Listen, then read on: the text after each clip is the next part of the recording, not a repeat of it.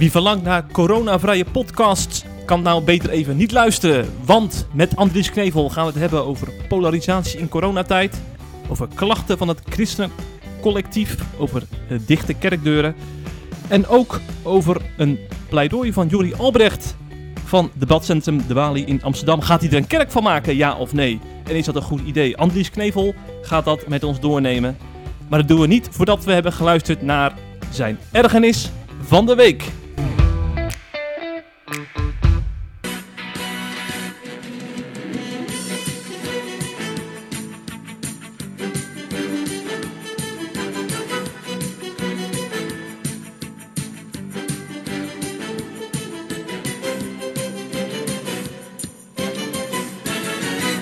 Ergernis van de week is bij mij de ergernis van al vele weken. Ik erger mij namelijk zeer aan de politieke cultuur in Nederland van de laatste tijd.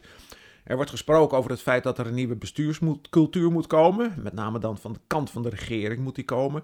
Maar ik vind dat er uh, eigenlijk veel meer en veel eerder een andere uh, politieke cultuur moet komen. Um, er zijn een aantal mensen die de afgelopen weken en maanden hebben gezegd dat het zo niet meer gaat in de Tweede Kamer. Spelen op de man. Uh, niet meer constructief meedenken met, met de regering, maar alleen maar uh, afschieten. Uh, uitvergroten van problemen. De Tweede Kamer gebruiken als een soort tv-studio waarin je je eigen quotes kunt knippen en op het internet kunt zetten. Remkes is daar boos over geweest. GroenLinks, Kamerlid Snels, is vertrokken ook.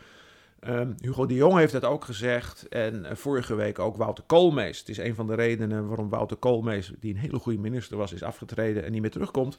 Namelijk vanwege de politieke cultuur in de Tweede Kamer. Een circus, schreef iemand gisteren. De Tweede Kamer is een circus geworden. Um, dat vind ik ook. En ik erger me daar vreselijk aan. En ik hoop nou maar dat. Uh, het is vandaag woensdag. Dus het is de tweede dag van. Uh, de debatten over de regeringsverklaring, dat de mensen in die Tweede Kamer, die 19 partijen, ze doen het niet allemaal hoor, er zitten ook goede mensen bij, maar dat die 19 partijen een beetje geluisterd hebben. Dinsdagmiddag kreeg ik het gevoel bij een paar wel, sommigen ook weer niet. Nou, vandaag is de tweede dag. Mijn ergernis van de weken is de politieke cultuur in de Tweede Kamer. En die zijpelt door naar, de, naar, naar, naar ons. Die zijpelt door naar ja. de samenleving. Want die samenleving ziet dat. En die wordt ook een beetje opgefokt door alles wat er in de Tweede Kamer is gebeurd. Wel hier, dit is mijn ergernis. Ja. En dat aan het begin van het nieuw kabinet. Dus ze kunnen nu met een schone lei beginnen, naar jouw uh, ergernis. Ze kunnen nu met een schone lei beginnen. Um, dat is lastig omdat uh, de afgelopen weken er alweer zoveel kritiek is geweest op, op, de, op de nieuwe regering die er nog nauwelijks was. Ik bedoel, Kuipers moet weg, was trending een tijdje. Nou, die man was twee, twee, twee dagen was die minister. En toen kreeg hij al Kuipers moet weg, trending achter zich aan. Ja, we leven in een hele opgefokte cultuur. Um, en daar is de Tweede Kamer ook, niet alleen, ook schuldig aan.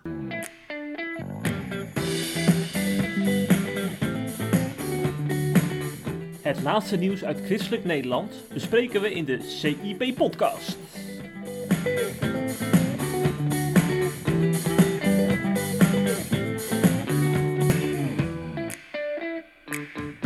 Over een opgefokte cultuur gesproken. Uh, je zou sommigen beweren dat de christencollectief daaraan bijdraagt. Anderen beweren juist dat ze oproepen tot een andere cultuur. We hebben het over een, uh, een platform dat vorig jaar is opgericht hè, om kritische christenen ten opzichte van het coronabeleid om die te verbinden. Dat zijn er nou ongeveer 2500. Uh, dat is nog geen vol voetbalstadion, maar misschien gaan ze dat dit jaar bereiken. En ze hebben een soort van een noodklok geluid in een open brief gericht aan kerkleiders. Ik maak er dan maar even uh, prominente in christelijk Nederland van, want dan kan ik jou ook eronder scharen, Andries. en in die brief uh, roepen ze op om tegen de stroom in te varen, als het ware. Hè? Uh, Christencollectief vindt dat Christen Nederland te braaf met het narratief van de overheid meegaan. En ze verwijzen bijvoorbeeld naar vervolgde, vervolgde christenen, hè? die bijvoorbeeld na een aanslag gewoon op de plek waar die aanslag plaatsvond samenkomen. Ze zeggen dat is hoe we het ook zouden moeten doen. Dus geen dichte kerkdeuren, maar gewoon samenkomen, omdat dat ook belangrijk is volgens Hebreeën 10, hè, verwijzen ze naar. Gij zult de samenkomsten niet nalaten. Uh, verwijzen ook nog naar het Oude Testament, hè, dat ze fysiek samenkwamen in de tempel in de tijden van pest en plaag om de naam van de Heer aan te roepen. Hè, fysiek samenkomen, daar leggen ze nadruk op. Dat vindt God belangrijk in hun ogen. En dus wordt het tijd uh, om tegen die stroom in te varen. Is het, is het het goede moment om die oproep te plaatsen volgens jou, uh, Andries? Want twee jaar geleden waren ze natuurlijk, uh, denk ik, gestenigd hè, als je dit zou, zou uh, plaatsen. In oud-testamentische termen zou het gestenigd zijn, ja. nu kan dat misschien. Nee, nee. nee. Ik heb de oproep gelezen en er zitten best een aantal elementen in die waardevol zijn. Okay. Die tekst uit Kronieken, waarin ten tijde van Salomo en Jozefat ook Ja. de mensen in de tempel samenkwamen ten tijde van de pest. maar ze halen een paar dingen door elkaar. Oh. Uh, wij in Nederland, wij worden niet vervolgd om ons geloof. Hè? Zoals de mensen in Noord-Korea, waarnaar uh, wordt verwezen. Of in, in Afrika wordt ook naar verwezen. Een slechte vergelijking dit. Ik vind de vergelijking niet opgaan. Wij worden niet vervolgd. Integendeel, zou ik haast zeggen. Ik verbaas mij deze tijd over het feit dat er zo ontzettend veel uh, ruimte is. Zelfs waardering is voor mensen die zich niet laten vaccineren. Om verschillende redenen. Maar een van de redenen is, mensen laten zich niet vaccineren vanwege een geloofsovertuiging. En um, de ruimte die ook deze groep, er zijn er meer, maar ook deze groep krijgt um, om zich niet te laten vaccineren. De ruimte die deze groep krijgt in deze samenleving, in deze seculiere samenleving, om op te komen voor hun geloof, in dit geval niet vaccineren. Ik vind die ruimte ontzettend groot. Dus wat mij betreft is het precies andersom. Ik waardeer ontzettend op dit moment de sfeer in de samenleving. Hij staat best onder druk, dat zie ik ook wel. Maar de sfeer in de samenleving om mensen die vanuit een geloofsovertuiging zich in dit geval niet willen laten vaccineren, die ruimte waardeer ik ontzettend groot. Dus ik zou juist helemaal niet, wat voor oproep ook, willen tekenen of willen onderschrijven om als het ware wat tegen het beleid van de overheid in te gaan. Nee, ik vind het beleid van de overheid, zeker ook richting gewetensbezwaarden, um, ja, vind ik een te prijzen uh, overheidsbeleid. Dat de kerken dus per consequentie uh, niet helemaal vol mogen, dat zal waar zijn. Uh, ik heb afgelopen zondag in Rotterdam gepreekt en in Nij Nijkerk, twee PKN-gemeentes, twee grote kerkgebouwen. Ja, daar zaten zo'n 40, 50 mensen. Week daarvoor in Den Haag, ook een groot kerkgebouw, ook met 50 mensen. De verwachting is dat het de komende weken wel meer wordt. Ja, dat is nou eenmaal even een moment uh, in de geschiedenis waarin we voorzichtig moeten zijn. En door de moderne media um, wordt een deel daarvan opgevangen. Niet alles, want gemeenschap en gezamenlijke lofprijzing is heel groot. Dat gebeurde ook in de tempel toen, waarnaar het christelijk collectief verwijst. Dat is een mooi element daarin. Maar het geheel, de teneur van deze oproep, uh, die onderschrijf ik niet. Maar um, die lockdown waar we nu in zitten, of het is inmiddels een beetje een halve lockdown geworden met die versoepelingen. Uh, ik heb heel veel PKN-kerken ook uh, bijvoorbeeld zien afschalen naar volledig livestream. Hè? Dus ik, ik, zie ook bijvoorbeeld kerken die, die er wat kritischer tegenover staan tegen, tegen het over, overheidsbeleid. Zie ik gewoon meer nuchtere keuzes maken. Hè? Dus gewoon afstand houden. Ja. en dan zien we wel hoeveel mensen er komen. Maar dat helemaal terugschalen naar, naar, naar bij wijze van spreken tien mensen. Ik vind dat best wel schokkend als je kijkt naar hoe belangrijk geestelijke gezondheid is, hè, ook. Naast, naast je fysieke gezondheid. Ja, dat is afhankelijk dus een beetje... Ja, je hebt gelijk. Afhankelijk dus een beetje van het beleid. Ik bedoel. Mozaïek in Veenendaal is ook meteen naar nul gegaan. En uh, Crossroads in Amsterdam, oh, een grote evangelische gemeente... Grote stap, hoor. Direct naar nul gegaan. Die hebben dus niet de tussenoplossing van 30 of 40 of 100 uh, gezocht. Uh, gegeven de grootte van het gebouw waarin ze ook samenkomen. Ja. Ja, dat heeft te maken met een aantal praktische overwegingen, die ik ook wel begrijp. En het heeft te maken met het feit dat dat type gemeentes, en ook die PKN-gemeentes waarnaar jij verwijst, ook een beetje het gevoel hebben van wij willen. Um, hoe zeg ik dat? Wij willen er niet voor zorgen dat kerkgenootschappen, kerkgebouwen, christenen um, een soort aanstoot worden in de samenleving. Ik heb de voorbereiding van dit gesprek ben ik nog eens gaan kijken naar een aantal reacties op de eerste lockdown. Toen veel gesloten moest worden, maar de kerken mochten open blijven. Uh, net zoals ze wilden, vanwege het onderscheid tussen kerk en staat. Toen zag ik heel wat kritische reacties toch wel, ook van prominente Nederlanders, op de vraag... waarom mogen kerken wel wat wij niet mogen? Nou, dat komt in dit gesprek nog een keer aan de orde natuurlijk. Um, dus er zit ook iets van wijsheid in dat je zegt, in de balans tussen wat wel kan en wat niet kan. In de balans tussen de enorme vrijheid die kerk he hebben in Nederland. We mogen alles, bij wijze van spreken. Als het niet tegen de wet ingaat, we mogen zoveel. In die balans, in de balans ook tussen um, Ehm, het is zo belangrijk, ik ervaar het zelf ook, om weer als christenen samen te komen in de gemeente vanwege de gemeenschap en de gezamenlijke lofprijzing. Versus, we kunnen op dit moment toch ook via livestream kunnen we ehm, iets daarvan nog ehm, meemaken. In die hele balans vind ik op dit moment dat de kerken eh, in zijn algemeenheid wijs hebben gehandeld. Echt wel. Ehm, Ja. Ook als sommige kerken naar nul gingen. De kerken die wat mij betreft niet zo wijs hebben gehandeld. Dat zijn de kerken die ehm, met, met alle voorzorgsmaatregelen die er waren ook natuurlijk. Toch wel, eh, ik weet niet wat de stand van zaken op dit moment is in de grote kerken van de Griffende gemeente en de hersteld hervormde. Toch wel met honderden mensen samenkwamen. Alleen de beeldvorming daarover is ook wat weggeëpt. Je hoort Ja. er niks meer over. Dus ehm, balans houden. Ja, maar in mijn ogen is bijvoorbeeld dominee Egas van de Christelijk Gereformeerden in eh Damwoude. Dat is nou zo'n dominee die zegt van, eh, eh, wat de overheid ook vindt, ik doe een beroep op het gezond verstand. En zolang de Albert Heijn brood mag verkopen, mag ik geestelijk voedsel eh, aanbieden. En dan mogen er zoveel komen als, eh, als, als, als we zelf willen, als we maar hè, aan die voorschriften voldoen. En, en als er dan plek is voor 200 man, is dat prima, zegt hij. Ja, dat in zijn kerk kan dat niet overigens. In zijn Nee, dat moet wel iets kleiner zijn, dat denk ik want ook. zijn kerkgebouw is niet zo groot. Nee, maar, nee. nee, maar dat is natuurlijk ook wat er gebeurt. Dat is waardoor Juri Albrecht eh, van de Bali in Amsterdam zoveel kritiek heeft op, Komen we zo nog op, hè? op Ja. het beleid. Ehm, dat hij zegt, eh, waarom mogen wij in onze cultuursector niet als kerken met alle voorzorgsmaatregelen... Dus ja, ik, het hangt een beetje ook af van de voorzorgsmaatregelen die je treft... en van de grootte van het kerkgebouw.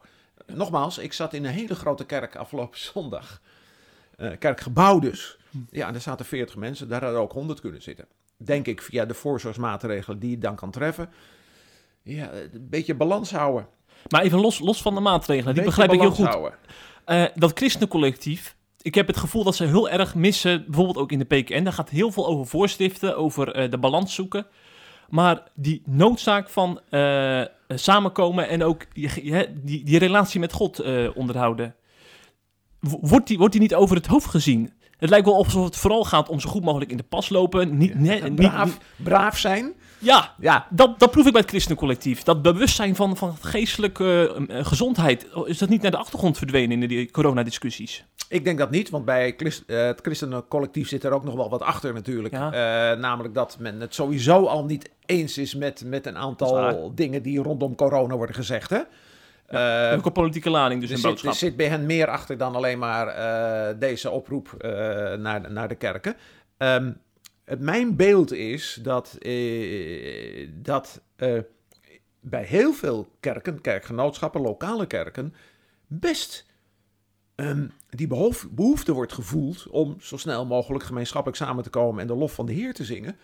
Ehm, maar dat om een aantal praktische redenen inderdaad dat niet gaat.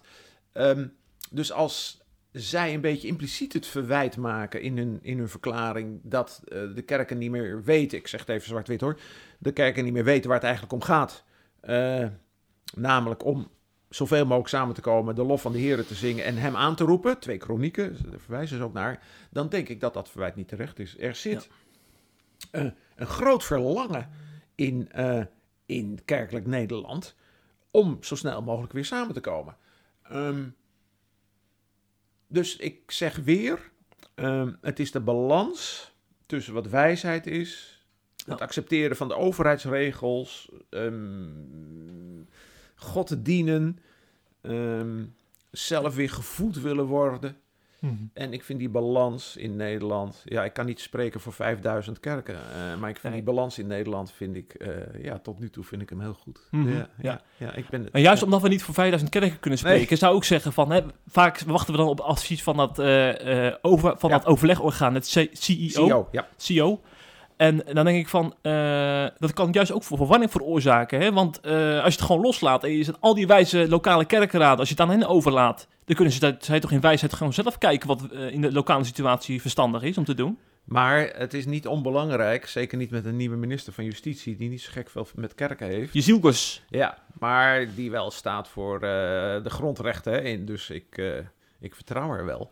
Ze, ze moet staan voor de grondrechten in Nederland. Het is verstandig dat er een orgaan is, wat dus eh, Hm. regelmatig met de overheid spreekt. Eh, dat is ook de rol die CEO naar, uh, naar Grapperhaus heeft gespeeld natuurlijk. de minister van Justitie, hè, die twee jaar lang dit beleid moest voeren. En waar we langzamerhand ook wel achter komen. het Nederlands Dagblad heeft erover geschreven. Dat ook een belangrijke rol in die onderhandelingen de christelijke partijen hebben gespeeld. Hè? Dus uh, Gertjan Segers en Kees van der Staaij. Ja, en in dit hele krachtenveld waarvan we twee jaar geleden, het is bijna twee jaar geleden nu, waarbij we twee jaar geleden niet wisten wat er zou gebeuren, moet je dan als kerk, in dit geval dan als kerk, als overheid, maar als kerk moet je je weg vinden. Je weg vinden van wat is er nu allemaal aan de hand? Kunnen we niet meer naar de kerk? Hoe gaan we naar de kerk? Met hoeveel gaan we naar de kerk? En als ik nou op die twee jaar terugkijk van de afgelopen twee, bijna twee jaar, één jaar en tien maanden, dan is met alle vallen en opstaan. En met zoals Hugo de Jonge ooit zei, met 10% kennis moet je 100% beslissingen nemen. Um, denk ik dat de kerken het in zijn algemeenheid goed hebben gedaan. En als er dan nu de behoefte is om zo'n oproep te plaatsen, vanaf, vanaf nu moeten we, het, moeten we het maar eens anders doen. Ja, misschien kan dat ook wel zometeen als Omicron anders uh, blijkt te zijn dan we, dan we hopen, dan we denken. Hou de balans. Hou de balans, dat is de boodschap. Dat is de boodschap, ja. ja. Hou de balans. Het lijkt een beetje de podcast van de boze mensen, want we hebben nu het Klitsencollectief uh, gehad. Maar we gaan nu naar Juri Albrecht. Ik weet niet of je zijn tweets uh, volgt, Andries, maar hij is behoorlijk boos de laatste uh, half jaar. Ik ken Juri Albrecht goed. Ja. Ik heb het ook met hem in het mediaforum gezeten. Hij is journalist geweest bij Vrij Nederland. Ja. Uit die tijd ken ik hem ook. Hij is een boze man.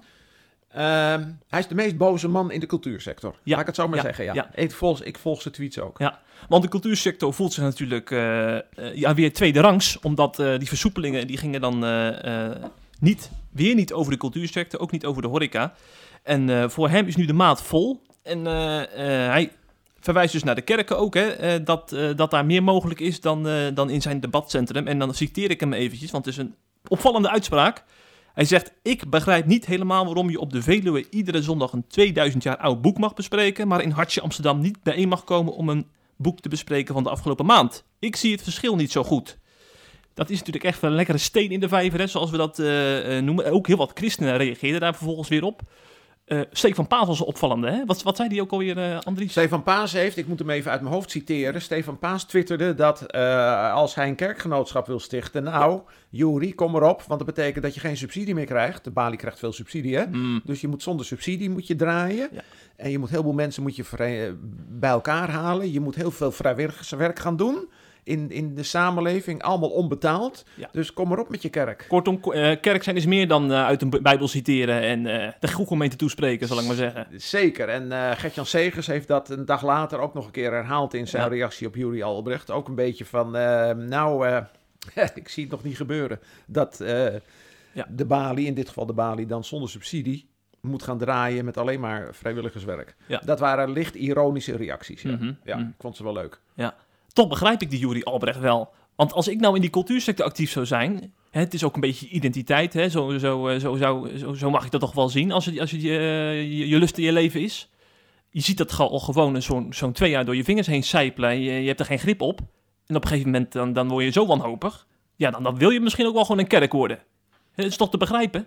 Nee, het is, eh, eh, ik, ik, zei al, ik ken Juri Albrecht. dit, Is, dit is een beetje een, uh, een jennende uh, opmerking. Ik weet dat bij hem uh, het water tot, tot aan de lippen staat. Uh, ondanks het feit dat hij, dat hij, dat hij subsidie krijgt. Uh, en ik ken zijn passie om in de Bali debatten, hè, dat is een debatcentrum. Mm -hmm. Ik heb mhm. er ook wel eens gezeten als, ja. als gast. Om daar debatten te organiseren en de cultuur te vieren, om het zo maar even te zeggen. Mm. Dus ik denk dat het bij hem een beetje provocatie is om, ehm, nou ja, het feit dat hij als hij zich aan de regels houdt in Amsterdam. Zoals kerken zich vrijwillig aan de regels houden mhm. in Amsterdam of waar dan ook. Uh, dat er weinig verschil is tussen, ik noem maar wat eventjes, 50 man in de Bali, uh, keurig geplaceerd op verschillende plekken. En 50 man in, nou, ik moet, over twee weken moet ik in de Jeruzalemkerk preken in Amsterdam. Of 50 man in de kerk in Amsterdam. Mm En daar is geen denk ik geen verschil tussen. Nee, Dus ik begrijp zijn frustratie dat in de Jeruzalemkerk, even als voorbeeld, hè, dat in de Jeruzalemkerk in Amsterdam uh, eh, 50 man mogen zitten, stel. En bij hem in de Bali op dezelfde uh, vloeroppervlakte geen 50 man mogen zitten. Ja, dat heeft te maken met het feit, nou eenmaal, wat, die, wat we al besproken hebben, dat eh, de kerk in Nederland, nee, ik moet zeggen religieuze gemeenschappen, want dat geldt ook voor de islam natuurlijk, Humanisten. en minister, dat kerk in Nederland zo'n enorme uitzonderingspositie heeft. Ik begrijp hem. Ja. En als ik dan wel eens naar, hè, op YouTube naar de, de Bali kijk, dan heb ik soms ook wel het idee dat ik in een soort eh, eh, kerk zit. Want eh, er worden hele prachtige monologen gegeven door hele wijze mensen. Je geweten wordt erdoor gevormd. Het gaat ook vaak over zingevingsaspecten. Dan denk ik van, Ja. dan maakt het het nog pijnlijker eigenlijk. Zeker. En vroeger in de, in de, in de, in de tijd van de verlichting was er, waren er zelfs kerken die de, godin de reden aanriepen. Hè? Dus eh, bij hem gaat het natuurlijk om de godin van eh, inzicht, wijsheid, eh, verbinding, debat. Eh, de Bali is een, eh, is een prachtig eh, debatcentrum. Ik was jaloers altijd op de Bali. Ik zei, waarom hebben we als christenen niet zo'n debatcentrum als de Bali? Maar dat even terzijde. Maar het lukt hem niet, want ik heb eens even gekeken naar wat, je, wat er nodig is om een, eh, om een kerkgenootschap te stichten. Oh, ja? Ik heb eens even bij Teunis van Koten, dat is de jurist die er alles van weet, gekeken. En die zegt, ja, als je een kerkgenootschap wil stichten, het staat niet in de wet, maar wel in de jurisprudentie, dan moet je, ik citeer maar eventjes, een, eh, een gemeenschappelijke godsdienstige opvatting hebben. Lastig hoor, wat is een godsdienstige opvatting? De groep personen die is aangesloten bij een kerkgenootschap moet een bepaalde geloofsovertuiging met elkaar delen. Bijvoorbeeld een bepaalde geloof, geloofsbeleidenis. En het doel van een kerkgenootschap is de verering van één of meer godheden. En voor die gemeenschappelijke godsverering zijn gemeenschappelijke godsdienstige opvatting, opvattingen doorgaans noodzakelijk. Nou, daar kan je over discussiëren. Eh, wat is een godheid? Is dat een reden, zoals in de tijd van de verlichting? Is dat de cultuur? Is dat een debat? Wij gaan een debat vereren. Ehm, nou, eh, dat wordt een hele discussie over wat een kerkgenootschap is. En of je inderdaad een kerkgenootschap kunt oprichten conform de regels. Zodanig dat je dus valt binnen het onderscheid kerk staat. Dat gaat hem denk ik eh, niet lukken, maar ik vind zijn provocatie vind ik, eh, boeiend. We zetten ons ook weer aan het denken hè, over eh, waarom wij als kerken dan bevoorrecht zijn. Tenminste, ja, ik, ik vind dat soms wel eens moeilijk uit te leggen naar zo'n buitenstaander. Hè, waarom Nee. wij wel en zij niet. Nee, maar dat, dat, daarom vind ik ook, en dan gaan we terug naar het eerste Ja. punt. Daarom vind ik ook dat we als kerken ongelooflijk prudent moeten zijn, voorzichtig moeten zijn met, met ons acteren in, in coronatijd. Omdat er natuurlijk in een geseculariseerde samenleving een beweging kan ontstaan die gaat zeggen: we gaan dat onderscheid tussen kerk en staat eh, gaan, we, gaan we weghalen. Dat is een lastige weg via, via wetgeving en ehm, eh, tweede meerderheid in in Eerste en Tweede Kamer. Nou, die weg gaat niet bewandeld worden. Maar als kerken mogen we, ja, moeten we prudent zijn. En ik zeg ook maar eventjes, moeten we dankbaar zijn voor de, voor de positie die we in Nederland hebben in een geseculariseerde cultuur. Ehm, dus als Juri Albrecht daar de vinger bij legt, nou, hij legt hem niet zozeer bij de kerken. Hij waardeert kerken. Zijn citaat is ook wel eens uit, uit verband gerukt. Ik zag ook een paar reacties op hem. Toen dacht ik, dat is niet eerlijk Mm. naar Juri toe. Want hij vindt de Bijbel een prachtig boek. Mhm. Dus hij vindt ook dat kerken dat ook mogen blijven doen wat wij doen. En hij vindt zelfs dat het onderscheid kerk en staat mag blijven. Hij vindt ook dat wij die unieke positie mogen houden. Vindt hij allemaal. Hij vindt alleen ook dat hij hem ook mag hebben. Ja. Als de verering van de godheid, eh, de reden of cultuur of eh, debat of hoe je het verder formuleert. Hm, hm. Ik, eh, ik, ik zou wel eens een mooi debat willen. Nou, debatten gaan wel. Ik Ja. zou wel eens een mooi debat in de Bali willen zien tussen, ik Ja. noem maar eens iemand als Gertjan Segers en Juri Albrecht. Over wat is, wat is een kerkgenootschap, wat is, wat is een geloofsgemeenschap. Alleen ja, dat mag niet, want de Bali is gesloten. Hm, Ja, dat zeg ik maar even met een lichte ironie in mijn stem. ja. Ik hoop dat die gauw open gaat. Tot zover de items met de boze mensen, zeg ik maar eventjes. Want nu is het tijd voor verbinding, hè? En dan komen we natuurlijk uit bij Jurjen ten Brinke. Eh, de nieuwe EO-corrivee noem ik hem. Ehm, hij is natuurlijk ook bekend van Hoop voor Noord en de multiculturele kerk in Amsterdam-Noord. Waardoor heel veel mensen toch als het soort voorbeeld, het ideaal plaatje van kerk zijn eh, beschouwd. En Jurjen, die, eh, die wil zich ook wel eens uitspreken in maatschappelijk debat. Via Facebook bijvoorbeeld. En dat deed hij afgelopen week ook. In voorbereiding op een nationale gebedsdag. Hè? Afgelopen zaterdag was dat. Goed initiatief trouwens hè, in deze tijd. Samen bidden. Even tussendoor. Het is de week van gebed. Dus goed dat er nadruk op ligt. Maar in zo'n statement zegt Jurjen dan eh, hè, dat we met z'n allen wel een grote mond hebben gekregen. En dat de oerzonde, ik weet het beter, tot uiting komt, onder andere op social media. En daar wil hij zelf niet aan meedoen. Eh, en daarom roept hij op om eh, over onze schaduw heen te springen, zeg ik even op zijn Haags. Eh, elkaar ondanks meningsverschillen te vinden en niet elkaar te bestrijden, maar co- corona, wat we twee jaar geleden nog deden. Zullen we samen bidden en over, over en weer herkenning vinden bij onze gemeenschappelijke basis, de schepper van hemel en aarde. Ehm, weet je wat ik dan zo moeilijk vind, Andries? Dan, zo'n Jurien doet dan een oproep hè, tot verbinding, tot gebed. Maar dan zien mensen daar toch ook weer een soort politieke boodschap in. Omdat hij dan wijst op eh, boze burgers en de oerzonde en alsof je geen kritiek mag hebben. Hoe, hoe, hoe lees jij nou eigenlijk zo'n statement van Jurien, vraag ik me af. Eh, met veel waardering. Oké. Laat ik daarmee beginnen, met veel waardering. Ehm, wat ik bij hem eh, niet helemaal eh, begreep, eh richtte hij zich nou op de hele samenleving. Ehm, waarin inderdaad heel veel boosheid zit. Kijk naar de demonstraties, kijk naar de reacties op Twitter en social media hè, van mensen die het met het overheidsbeleid niet eens zijn, of in ieder geval met jullie niet eens zijn. Of richtte hij zich alleen op on- ons, op christenen? Ehm, dat werd in, in de boodschap die hij eh, deelde, eh, werd mij dat niet helemaal helder. Want wanneer het gaat om de samenleving, dan herken ik alles wat hij zegt. Eh, we zijn zo gepolariseerd. Nou, we hebben het gehad over de politieke cultuur natuurlijk. Corona heeft eh, polariserend gewerkt. Ehm, de overheidsmaatregelen hebben polariserend gewerkt. Hoewel bedoeld om helend te zijn. Ehm, en daar zit die polarisatie ontzettend optreden. En vraag ik me af of dat de komende tijd anders zal gaan. Wanneer het gaat over de kerken, of over christenen in zijn algemeenheid, dan heb ik me heel erg afgevraagd, sinds ik die verklaring van, eh van Jurjen las, is het in de kerk ook zo gegaan? Of hebben we in de kerken wel verschil van inzicht gehad? Nou, daar hebben we het over gehad. Eh, kerken wel dicht, niet dicht, een beetje dicht, een beetje bij elkaar komen, helemaal niet bij elkaar komen, overheid slaafs volgen of juist niet. Nou, dat. Maar zijn we in de kerken echt zo erg polariserend geweest? Hm. Ehm, ja, mijn beeld is dat dat wel wat minder is geweest dan in de complete samenleving. Dus mijn vraag aan Jurjen zou zijn, maar Jurjen zal misschien zeggen, joh, dat moet je niet zo onderscheiden. Hmm. Mijn vraag aan Jurjen zou zijn, Jurjen, richt jij nou op de hele samenleving of richt jij je met je oproep met je kritiek, richt je op alleen op christenen? Ehm, Ja. Dat weet ik niet zo goed. Nee, nee. Maar ik was, a priori was ik het met hem eens. Ja, ja, Ook dat punt wat hij zei over rechthebbendheid. Hè? Hm. We hebben als burgers, denken we tegenwoordig, dat we overal recht op hebben. En dan denk ik dat het gaat over de hele samenleving. En ik, ik vind dat een belangrijk punt. Ja. Eh, ook nu, tijdens de algemene beschouwingen van gisteren en vandaag. Ehm, we denken dat we op zoveel dingen recht hebben tegenwoordig. Ehm, ja, en ja, zo zit het leven echt niet in elkaar.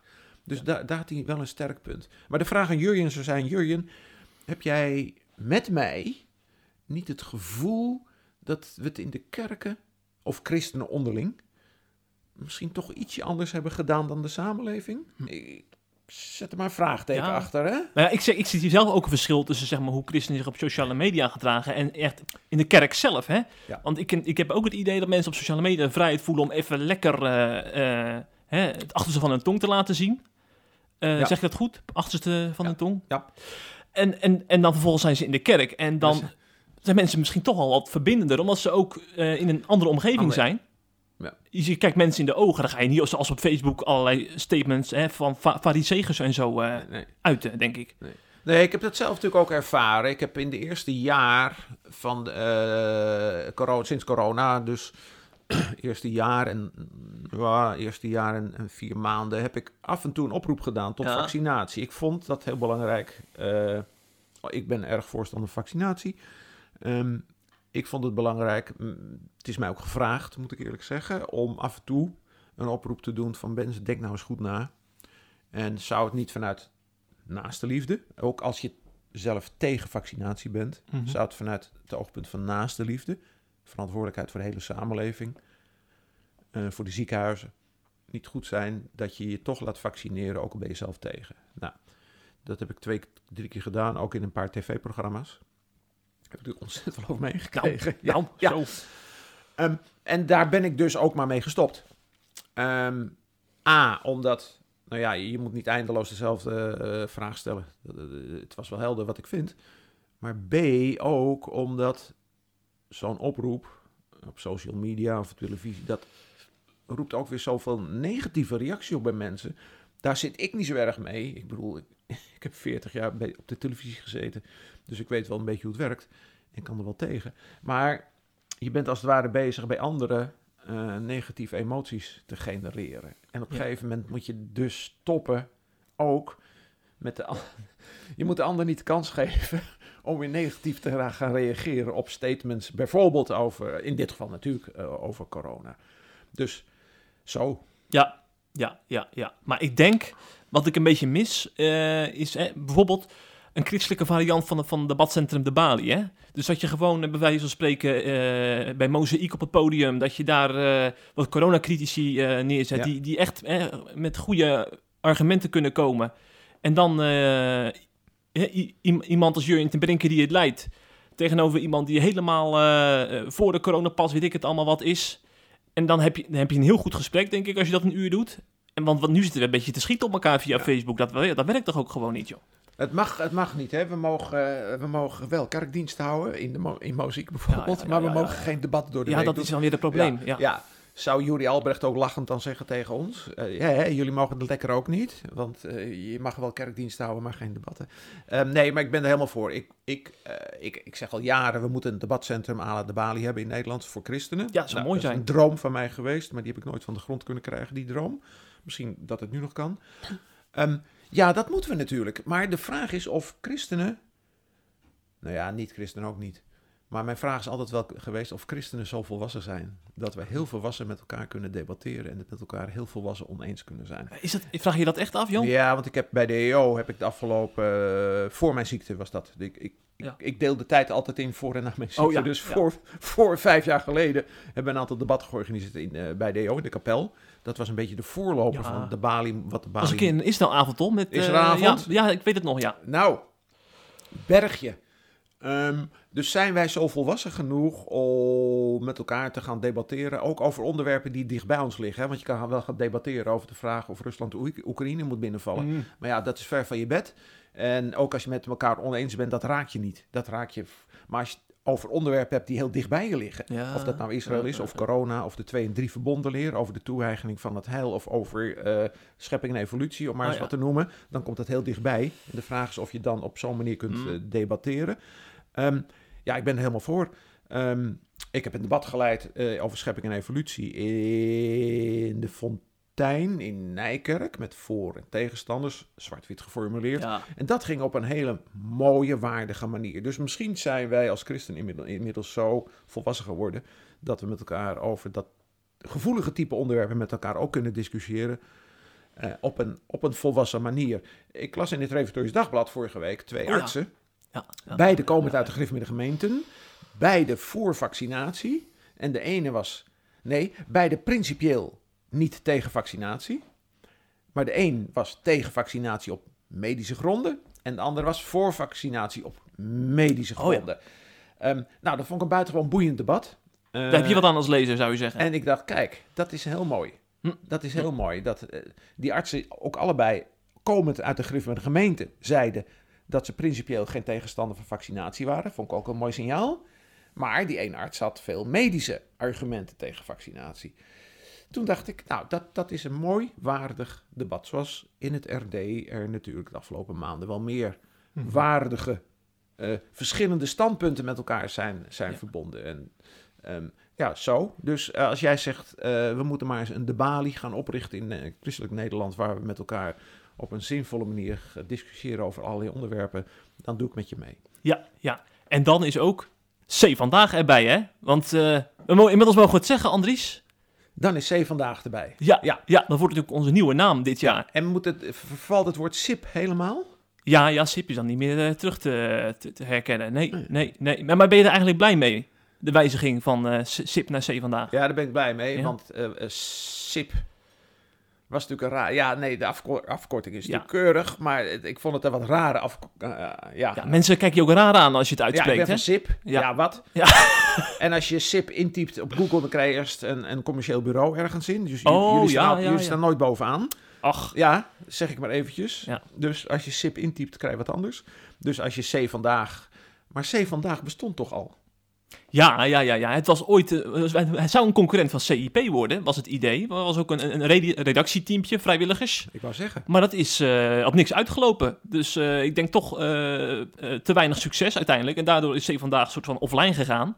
En dat domeinnaam, de dome- domeinnaam hebben wij dus op een gegeven moment over kunnen nemen. Mijn vraag was dus inderdaad, Ja. we hebben elkaar nog niet gesproken. Toen ik zag dat SIP C vandaag ging heten, toen dacht ik, hé, hey, die naam bestond al. Ja, die bestond echt. Eh, wisten jullie dat wel? Eh, Ja, ja, ja, heb. Je, heb je veel moeten betalen voor, eh, voor de naam C Want daar vandaag? ben ik ook benieuwd naar, ja. ja, dat type vraag had ik, maar het is een veel betere naam.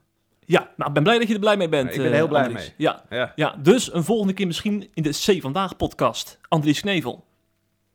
Ik hoop Dat het, zou, ja. dat zou leuk zijn. Ik hoop het van Ja. harte. Ja, in, in het atelier van mevrouw... Mogen we dat zeggen trouwens? Dat we, of is het, eh, is het geheim?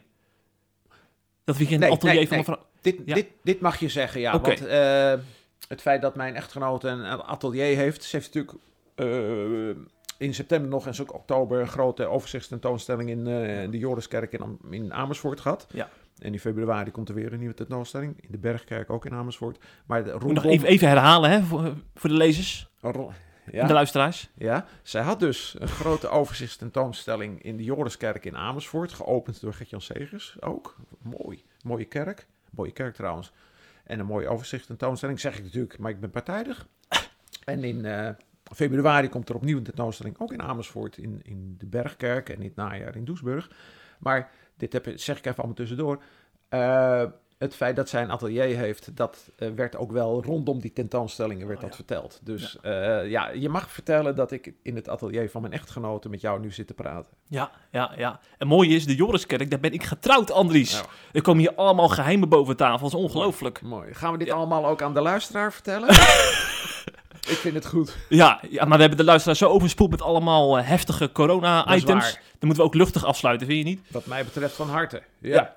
Ja, helemaal goed. En eh, dus volgende keer misschien weer in het atelier van de familie Knevel. De C Vandaag of CIP-podcast. Tegen die tijd zien we wel eh, of het beestje al van naam is veranderd. Ja of nee. Bedankt voor je bijdrage, Andries. Met vreugde. En tegen de luisteraars zeg ik tot de volgende keer met weer een nieuwe podcast.